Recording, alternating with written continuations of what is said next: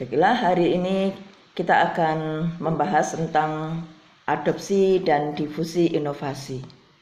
Ada lima pokok bahasan yang akan kita bahas pada pertemuan kali ini. Yang pertama adalah pengertian adopsi, yang kedua tahapan adopsi, yang ketiga kategori adopter, yang keempat faktor-faktor yang mempengaruhi adopsi dan yang terakhir adalah uh, apa peran seorang penyuluh dalam proses adopsi inovasi ini.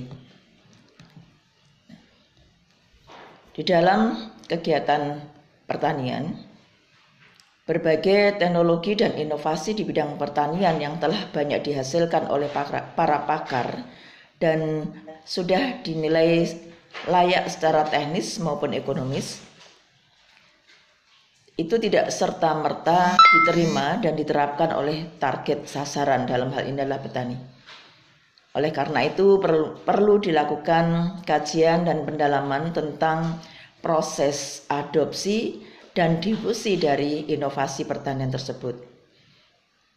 Oleh karena itu sangat penting untuk merancang strategi yang efektif agar target sasaran dapat menerapkan inovasi baru yang tentu saja di sini memiliki kelayakan ekonomis maupun teknis sehingga memiliki prospek yang lebih baik untuk membantu petani meningkatkan produktivitas, pendapatan dan kesejahteraan hidupnya.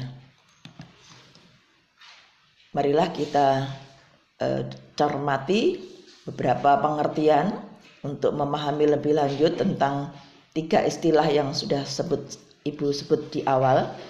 Yang pertama adalah istilah adopsi. Moser mendefinisikan adopsi adalah proses di mana petani mulai menyadari, mempertimbangkan, dan akhirnya menolak atau mempraktekkan inovasi tertentu. Difusi inovasi pertanian merupakan proses di mana inovasi pertanian menyebar di antara petani-petani sampai pada jumlah petani yang besar. Ya, adopsi, inovasi, difusi.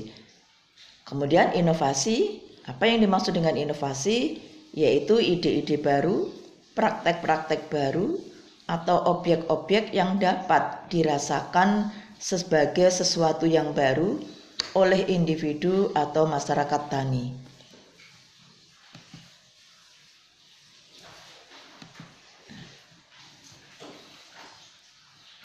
Bagaimana proses adopsi itu berjalan sebagaimana yang telah Ibu sampaikan tadi bahwa teknologi yang ditemukan atau inovasi baru yang telah ditemukan yang telah dikaji secara layak secara ekonomis dan secara teknis tidak serta-merta langsung bisa diadopsi oleh petani. Nah, proses menyampaikan teknologi dan inovasi kepada petani inilah yang harus dirancang di dalam kegiatan penyuluhan bagaimana kita harus mendifusikan, menyebarkan inovasi tersebut agar petani mengadopsi. Itu Ibu gambarkan dalam bagan ini. Jadi teknologi inovasi yang layak secara ekonomis dan teknis itu agar bisa diadopsi oleh petani harus melalui kegiatan yang namanya difusi. Nah, dalam merancang kegiatan difusi ini kita harus memperhatikan banyak hal baik itu tingkatan adopsi ya tingkat tingkatan tingkatan adopsi dan golongan adopternya di mana golongan adopter dan tingkat adopsi ini akan sangat berpengaruh terhadap kecepatan adopsi inovasi baru oleh petani tersebut. Agar Agar petani mau mengadopsi, maka perlu dilakukan proses difusi, yaitu proses penyebaran inovasi baru kepada petani melalui berbagai metode yang yang dikuasai di dalam kegiatan penyuluhan. Eh, mohon di review kembali beberapa teori metode penyebaran eh, materi penyuluhan ya, yang lalu yang sudah disampaikan. Ada beberapa metode nanti akan saya simpulkan di belakang.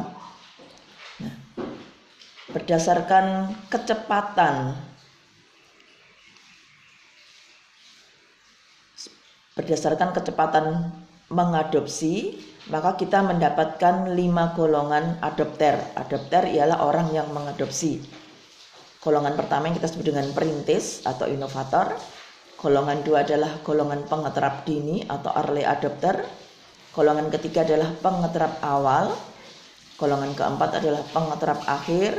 Dan golongan lima adalah penolak atau kaum kolot. Kita sebut dengan istilah lagarde.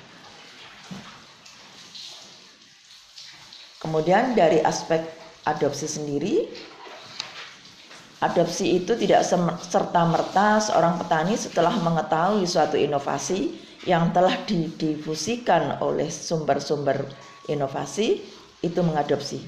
Nah, sebelum mengadopsi ada beberapa tahapan yang harus dilalui oleh seorang adopter di mana Roger memerinci ada lima tingkatan adopsi dari mulai tingkatan yang paling rendah sampai ke tingkat yang paling tinggi yaitu tingkat adopsi. Tingkatan pertama kita sebut dengan tingkat awareness yaitu sadar, tahapan sadar. Tingkat yang kedua adalah interest, tahapan tertarik. Kemudian yang ketiga adalah tahapan evaluation atau menilai. Tahapan yang keempat adalah first trial, tahapan mencoba melakukan uji coba dalam skala yang kecil dan yang terakhir nanti adalah tahapan keputusan apakah setelah melakukan uji coba tersebut eh, seorang adopter akan menolak atau menerima adopsi tersebut nah inilah eh, pokok bahasan yang akan kita bicarakan pada hari ini bagaimana proses adopsi dari sebuah inovasi baru itu dilakukan yaitu melalui tahapan difusi dengan berbagai tingkat tahapan adopsi yang uh, akan terjadi di dalam adopter sehingga berdasarkan kecepatan mengadopsi seorang adopter itu akan dibagi menjadi lima golongan adopter. Nah, dalam proses ini apa yang harus dilakukan oleh seorang penyuluh nanti akan kita bahas.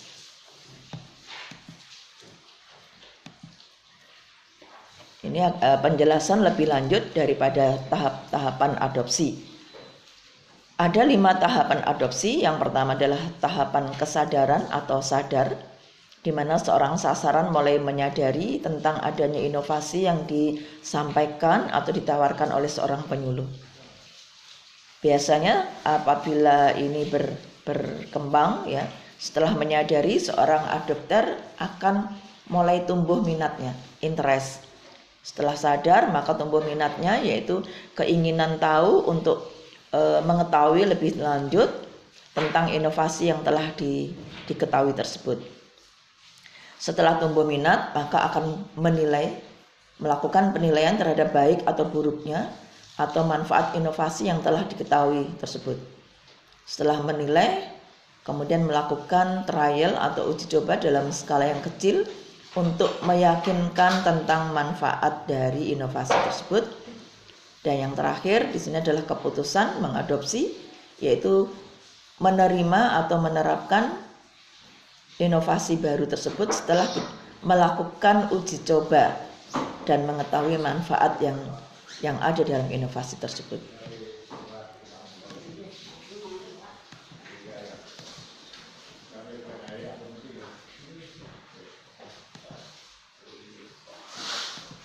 berdasarkan nah, bagaimana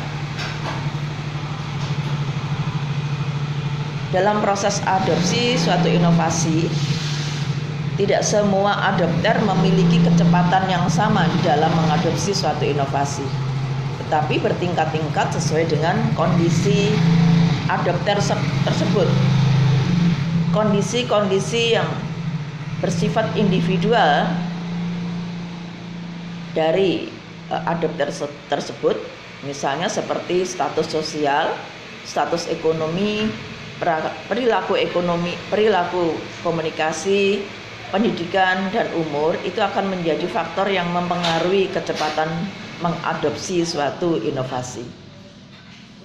Berdasarkan hal tersebut, maka ada penggolongan ya, dilakukan penggolongan adopter berdasarkan kecepatan yang mengadopsi.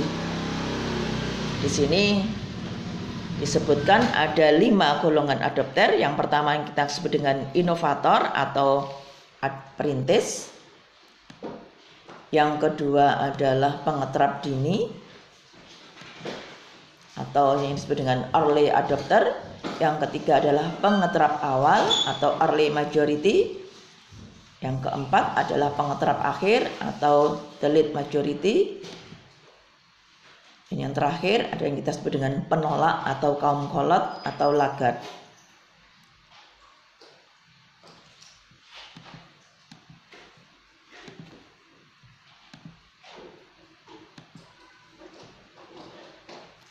Siapakah yang disebut dengan perintis atau inovator? Inovator atau perintis adalah e, para pelopor, yaitu orang-orang yang pertama kali mengadopsi suatu inovasi. Biasanya mereka memiliki rasa ingin tahu yang tinggi, yang kita kenal dengan istilah curiosity yang tinggi, cenderung bersifat idealis. Dia mengadopsi awal karena memang dia mampu mengadopsi itu, tetapi dia tidak memiliki dorongan untuk menyebarkan inovasi tersebut. Dia hanya mengadopsi untuk digunakan pada usaha taninya sendiri. Kemudian tingkatan golongan adopter yang kedua yang kita sebut dengan early adopter atau pengeterap dini adalah orang-orang yang cukup aktif di dalam pembangunan di desa, biasanya berumur relatif muda, pendidikannya tinggi, status sosialnya agak tinggi tetapi masih di bawah status sosial dari seorang inovator disegani oleh anggota masyarakat sehingga dia berpotensi untuk menyebarkan inovasi tersebut kepada orang-orang lain Kemudian golongan adopter yang ketiga adalah pengeterap awal atau early majority yaitu golongan yang mudah terpengaruh bila ada hal baru yang dilihat, disadari dan diyakini memiliki keunggulan. Kemudian golongan keempat adalah pengeterap akhir atau the lead majority, yaitu orang yang lambat menerima inovasi disebabkan kedudukan ekonominya yang rendah, motivasinya rendah, sehingga kurang bersemangat di dalam melakukan usaha taninya. Dan yang terakhir kita sebut dengan golongan penolak atau lagarde, yaitu golongan yang disebut dengan kaum kolot. Ya, dalam sebuah masyarakat biasanya ada golongan ini kaum kolot. E, tanda-tandanya atau ciri-cirinya adalah usianya sudah tua sikapnya cenderung statis dan pasif terhadap perubahan kurang rasional berpikirnya lebih cenderung berpikir tradisional dan emosional sehingga ini memang sulit untuk diajak Eh, melakukan perubahan-perubahan. Nah, dari beberapa literatur hasil penelitian diketahui bahwa jumlah golongan-golongan adopter itu digambarkan dalam bagan ini. Golongan perintis hanya sedikit sekali. Inovator ini adalah sedikit jumlahnya, sekitar 2,5 persen. Kemudian pengeterap dini sekitar 13,5 persen. Pengeterap awal 34 persen pengeterap akhir 34% dan golongan penolak 16%. Mohon dicatat bahwa persentase golongan penolak ini cukup besar sehingga apabila kita melakukan penelitian, maaf, melakukan penyuluhan dan ada sebagian masyarakat yang kurang berkenan dengan materi penyuluhan yang kita sampaikan dan kemudian menolak inovasi yang kita tawarkan, maka jangan putus asa karena di dalam struktur masyarakat itu akan selalu terdiri orang-orang seperti ini. Ada yang responsif, cepat merespon, ada yang merespon awal, merespon lambat, ikut-ikutan ya, dan merespon yang terakhir serta menolak. Nah, apa saja faktor yang mempengaruhi kecepatan suatu inovasi, adopsi inovasi? Ada lima faktor di sini yang eh, dicatat sebagai faktor yang mempengaruhi kecepatan adopsi inovasi. Yang pertama adalah sifat inovasi itu sendiri. Nanti kalian uh, review kembali materi-materi terdahulu tentang uh, apa ciri-ciri suatu inovasi yang baik, yaitu yang memiliki keuntungan relatif, yaitu apakah suatu inovasi itu lebih baik, lebih bermanfaat, lebih menguntungkan dibanding mat, uh, inovasi yang sudah ada. Ini keuntungan relatif. Yang kedua, kompabilitas layakan untuk diterapkan. Kemudian yang ketiga kompleksitas yaitu e, kemudahan untuk diterapkan gitu, atau kesederhanaan untuk diterapkan. Triabilitas kemudahan untuk dicoba, diuji cobakan dalam skala kecil. Observabilitas yaitu e, kecepatan untuk melihat hasil dari inovasi tersebut. Kemudian yang kedua, jenis keputusan inovasi. Suatu inovasi untuk diadopsi itu memerlukan keputusan. Ada beberapa pihak, ada beberapa cara untuk mengambil keputusan menerapkan atau mengadopsi suatu inovasi. Ada keputusan yang bersifat kolektif, yaitu apabila ini dilakukan oleh suatu kelompok. Misalnya kelompok tani atau anggota koperasi yang harus melakukan keputusan karena memang melakukan usaha tani secara bersama-sama, secara kolektif. Atau opsional, ini tergantung pilihannya saja, kondisional. Atau ada otoritas. Otoritas di sini maksudnya adalah pihak yang berwenang, entah itu pemerintah desa, pemerintah eh, mulai dari tingkat desa sampai ke tingkat nasional. Jadi contohnya kalau pemerintah memiliki suatu program pembangunan pertanian, maka pemerintahlah yang memutuskan bahwa petani harus mengadopsi suatu teknologi tertentu agar berhasil dalam pelaksanaannya. Kemudian yang ketiga saluran komunikasinya apakah digunakan media massa atau interpersonal. Ini sudah eh, nanti akan kita bahas tentang bab komunikasi ini pada pertemuan yang akan datang. Kemudian yang keempat sifat sistem sosialnya apakah masyarakatnya itu bersifat modern atau tradisional itu bisa dilihat dari uh, keterbukaannya di dalam menerima perubahan dan pola-pola komunikasi yang terbangun dalam masyarakat tersebut. Apakah pola komunikasinya bersifat terbuka atau tertutup, individual atau kelompok atau masa. Dan terakhir adalah pelayanan penyuluhan yaitu bagaimana kelembagaan penyuluhan yang ada dapat memberikan fasilitas sarana dan prasarana yang mendukung kecepatan untuk mengadopsi teknologi baru atau inovasi ini. Ini yang lima faktor yang utama yang mempengaruhi kecepatan adopsi. Di samping itu juga masih ada faktor-faktor lain yang berada di luar kondisi adopter yaitu kondisi fisik usaha tani misalnya lahannya lahannya kurang subur atau atau kurang pengairan ya. Kemudian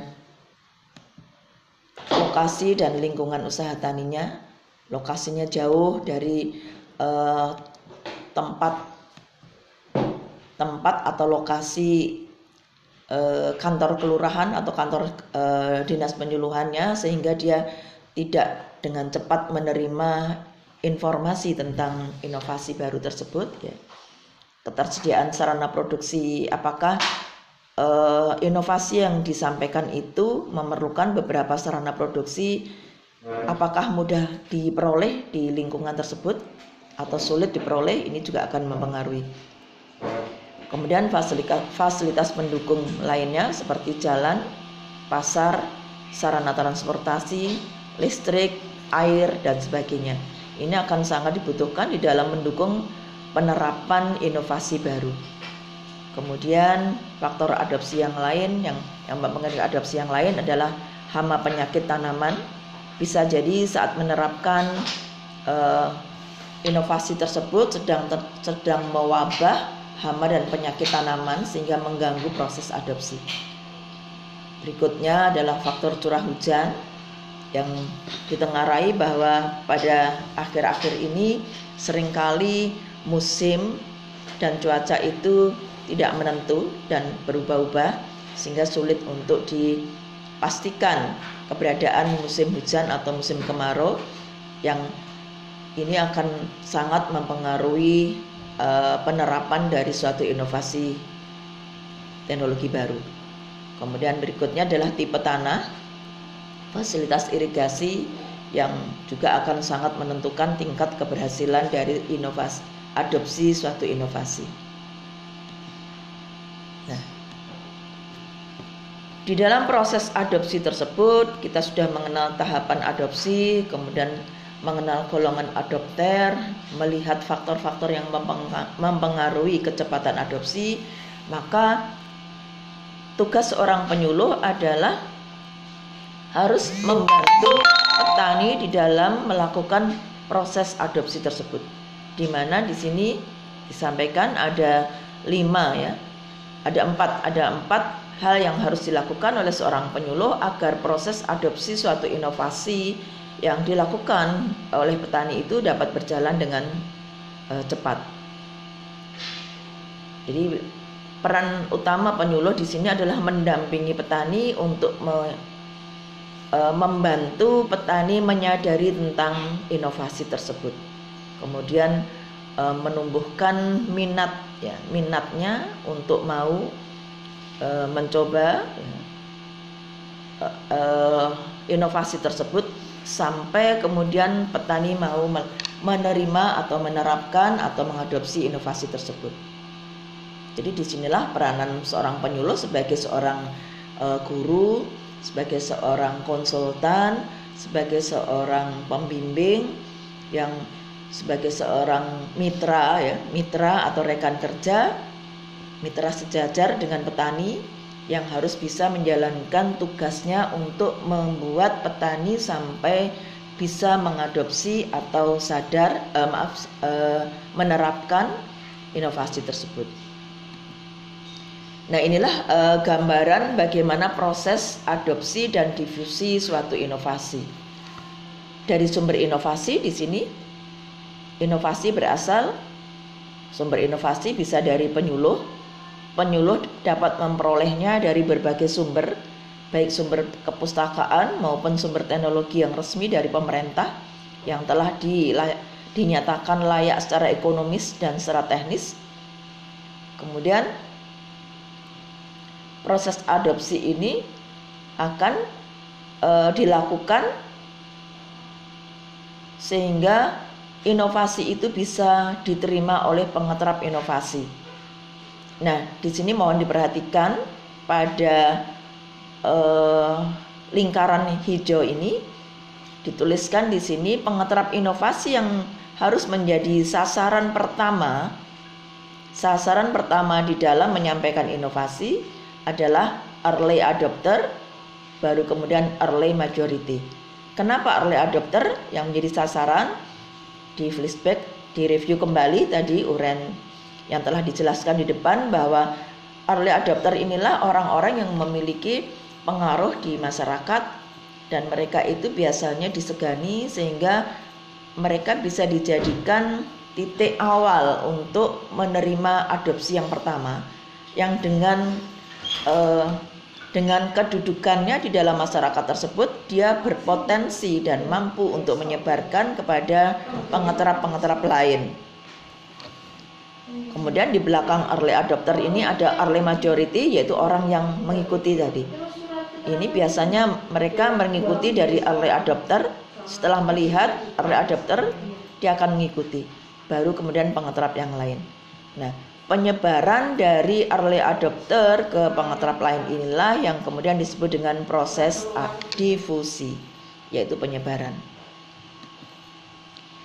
Jadi, di dalam melakukan penyuluhan, maka seorang penyuluh harus memahami betul golongan-golongan adopter ini sehingga mampu menyusun strategi pendekatan terhadap pengadopsi siapa orang-orang yang akan dijadikan early adopter ini yang akan menerima pertama kali inovasi yang disampaikan oleh seorang penyuluh.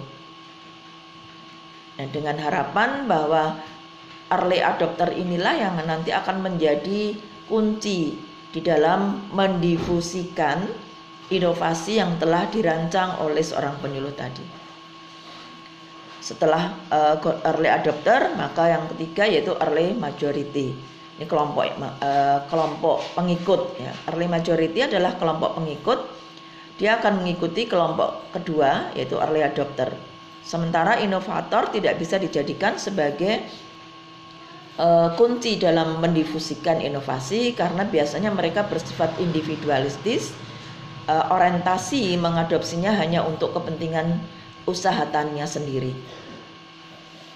Nah, golongan kedua itu memiliki uh, interaksi yang luas dengan masyarakat desa, berpengaruh dan memahami situasi desa. Walaupun tidak menonjol status sosial ekonominya tetapi dapat dimanfaatkan untuk mempengaruhi golongan keempat dan golongan kelima. Inilah yang kita sebut dengan strategi di dalam melakukan penyuluhan berdasarkan golongan-golongan adopternya. Nah, slide berikut menggambarkan tentang hubungan tingkat adopsi dengan pendekatan dan metode penyuluhan yang harus disesuaikan agar kegiatan penyuluhan dapat berlangsung secara efektif dan efisien sesuai dengan tujuan masing-masing e, penyuluhan tersebut. Pada tingkatan adopsi sadar, maka sebaiknya seorang penyuluh menggunakan pendekatan massal, sadar menggunakan massal dengan beberapa metode yang telah Ibu sampaikan sebelumnya yaitu di antaranya adalah siaran radio, pemutaran film, penyebaran brosur, leaflet, poster, spanduk. Di mana dengan metode penyuluhan ini sifatnya hanya to inform yaitu memberitahukan tentang inovasi dalam bahasa yang lain lebih populer disebut dengan sosialisasi. Kalau hanya mencapai tahapan sadar, kita tidak perlu menggunakan metode-metode yang bersifat uh, individu, nanti tidak efisien. Kemudian pada tahapan minat juga kita masih bisa menggunakan antara pendapatan antara pendekatan massal ya, masih bisa menggunakan massal Kemudian pada tingkatan menilai mungkin kita lebih spesifik lagi, lebih lebih dikecilkan uh, yaitu dengan menggunakan kelompok, pendekatan kelompok di antaranya dengan diskusi kelompok, temu lapang, kursus tani dan kemudian sampai kepada tahapan mencoba ini masih kelompok. Dan barulah pada tahapan mengadopsi kita harus menggunakan pendekatan individu dengan berbagai metodenya yang lebih bersifat individual yaitu kunjungan rumah atau kunjungan usaha tani, pendampingan belajar individu, menggunakan telepon, surat menyurat dan sebagainya yang sifatnya individu. Sehingga dengan metode penyuluhan ini sifatnya lebih intensif dan eh, adopter pada tahapan ini akan lebih cepat mengadopsi dan memahami inovasi tersebut. Selanjutnya berdasarkan jumlah sasarannya. Proses adopsi juga harus menyesuaikan dengan jumlah sasaran sehingga akan memunculkan metode-metode penyuluhan yang tepat yang digunakan pada tahap sasaran yang bersifat massal yaitu dalam jumlah yang sangat besar maka yang bisa dilakukan di sini prosesnya adalah hanya menumbuhkan minat yaitu yang bersifat sosiali tadi sosialisasi melalui pemutaran film, siaran radio, penyebaran brosur, leaflet, poster, spanduk dan sebagainya. Sedangkan apabila sasarannya kelompok, maka Metodenya adalah metode yang bersifat kelompok yaitu diskusi kelompok, temu lapang, kursus tani dan sebagainya. Nah, kemudian apabila sasarannya individu maka menggunakan metode yang bersifat kunjungan rumah, usaha tani, belajar secara individu, menggunakan telepon, surat menyurat. Sehingga di sini bisa kita lihat bahwa kalau pada tahapan minat, menumbuhkan minat, maka menggunakan kemudian sasarannya besar. Kalau mencoba sasarannya kelompok dan kalau menerapkan maka sasarannya individu. Pada panah ini yang berwarna orange ini dapat dilihat bahwa semakin ke bawah artinya semakin bersifat e, semakin sedikit jumlah sasaran maka semakin F intensif metode yang digunakan. Di sini semakin intensif ini artinya adalah menggunakan metode yang semakin uh, intensif di dalam memberikan uh, pembimbingan dan penyuluhan kepada petani apabila ingin berhasil. Jadi dapat disimpulkan di sini bahwa proses difusi inovasi terutama di bidang pertanian ini memerlukan waktu Faktor waktu ini penting karena waktu itu dibutuhkan yang pertama adalah untuk mengambil keputusan mulai dari tahapan awareness atau sadar sampai ke tahapan uh, menerima atau menolak inovasi tersebut. Kemudian yang kedua, waktu juga penting di dalam proses difusi karena menentukan tingkat adopsinya, yaitu jumlah pengadopsinya. Kalau jumlah pengadopsinya semakin besar, maka waktunya juga akan semakin lama. Pada tahap awal, petani pada umumnya masih banyak yang meragukan inovasi tersebut, ya, inovasi baru, sebelum dia melihat keberhasilan petani-petani lain yang telah mencoba inovasi tersebut. Nah, Berikut ini slide ini menggambarkan tentang kegiatan penelitian yang bisa dilakukan untuk mengetahui proses adopsi ya, dan faktor-faktor yang mempengaruhi adopsi inovasi tersebut. Di sini bisa dilakukan e, penelitian dengan menggunakan metode regresi linear berganda. Mungkin saat ini yang belum belajar statistik akan sulit memahami, tetapi suatu saat kalau kalian sudah memahami uh, ilmu statistik sudah belajar ilmu statistik akan paham ini bisa di, diketahui dilakukan penelitian seperti ini demikian uh, paparan materi hari ini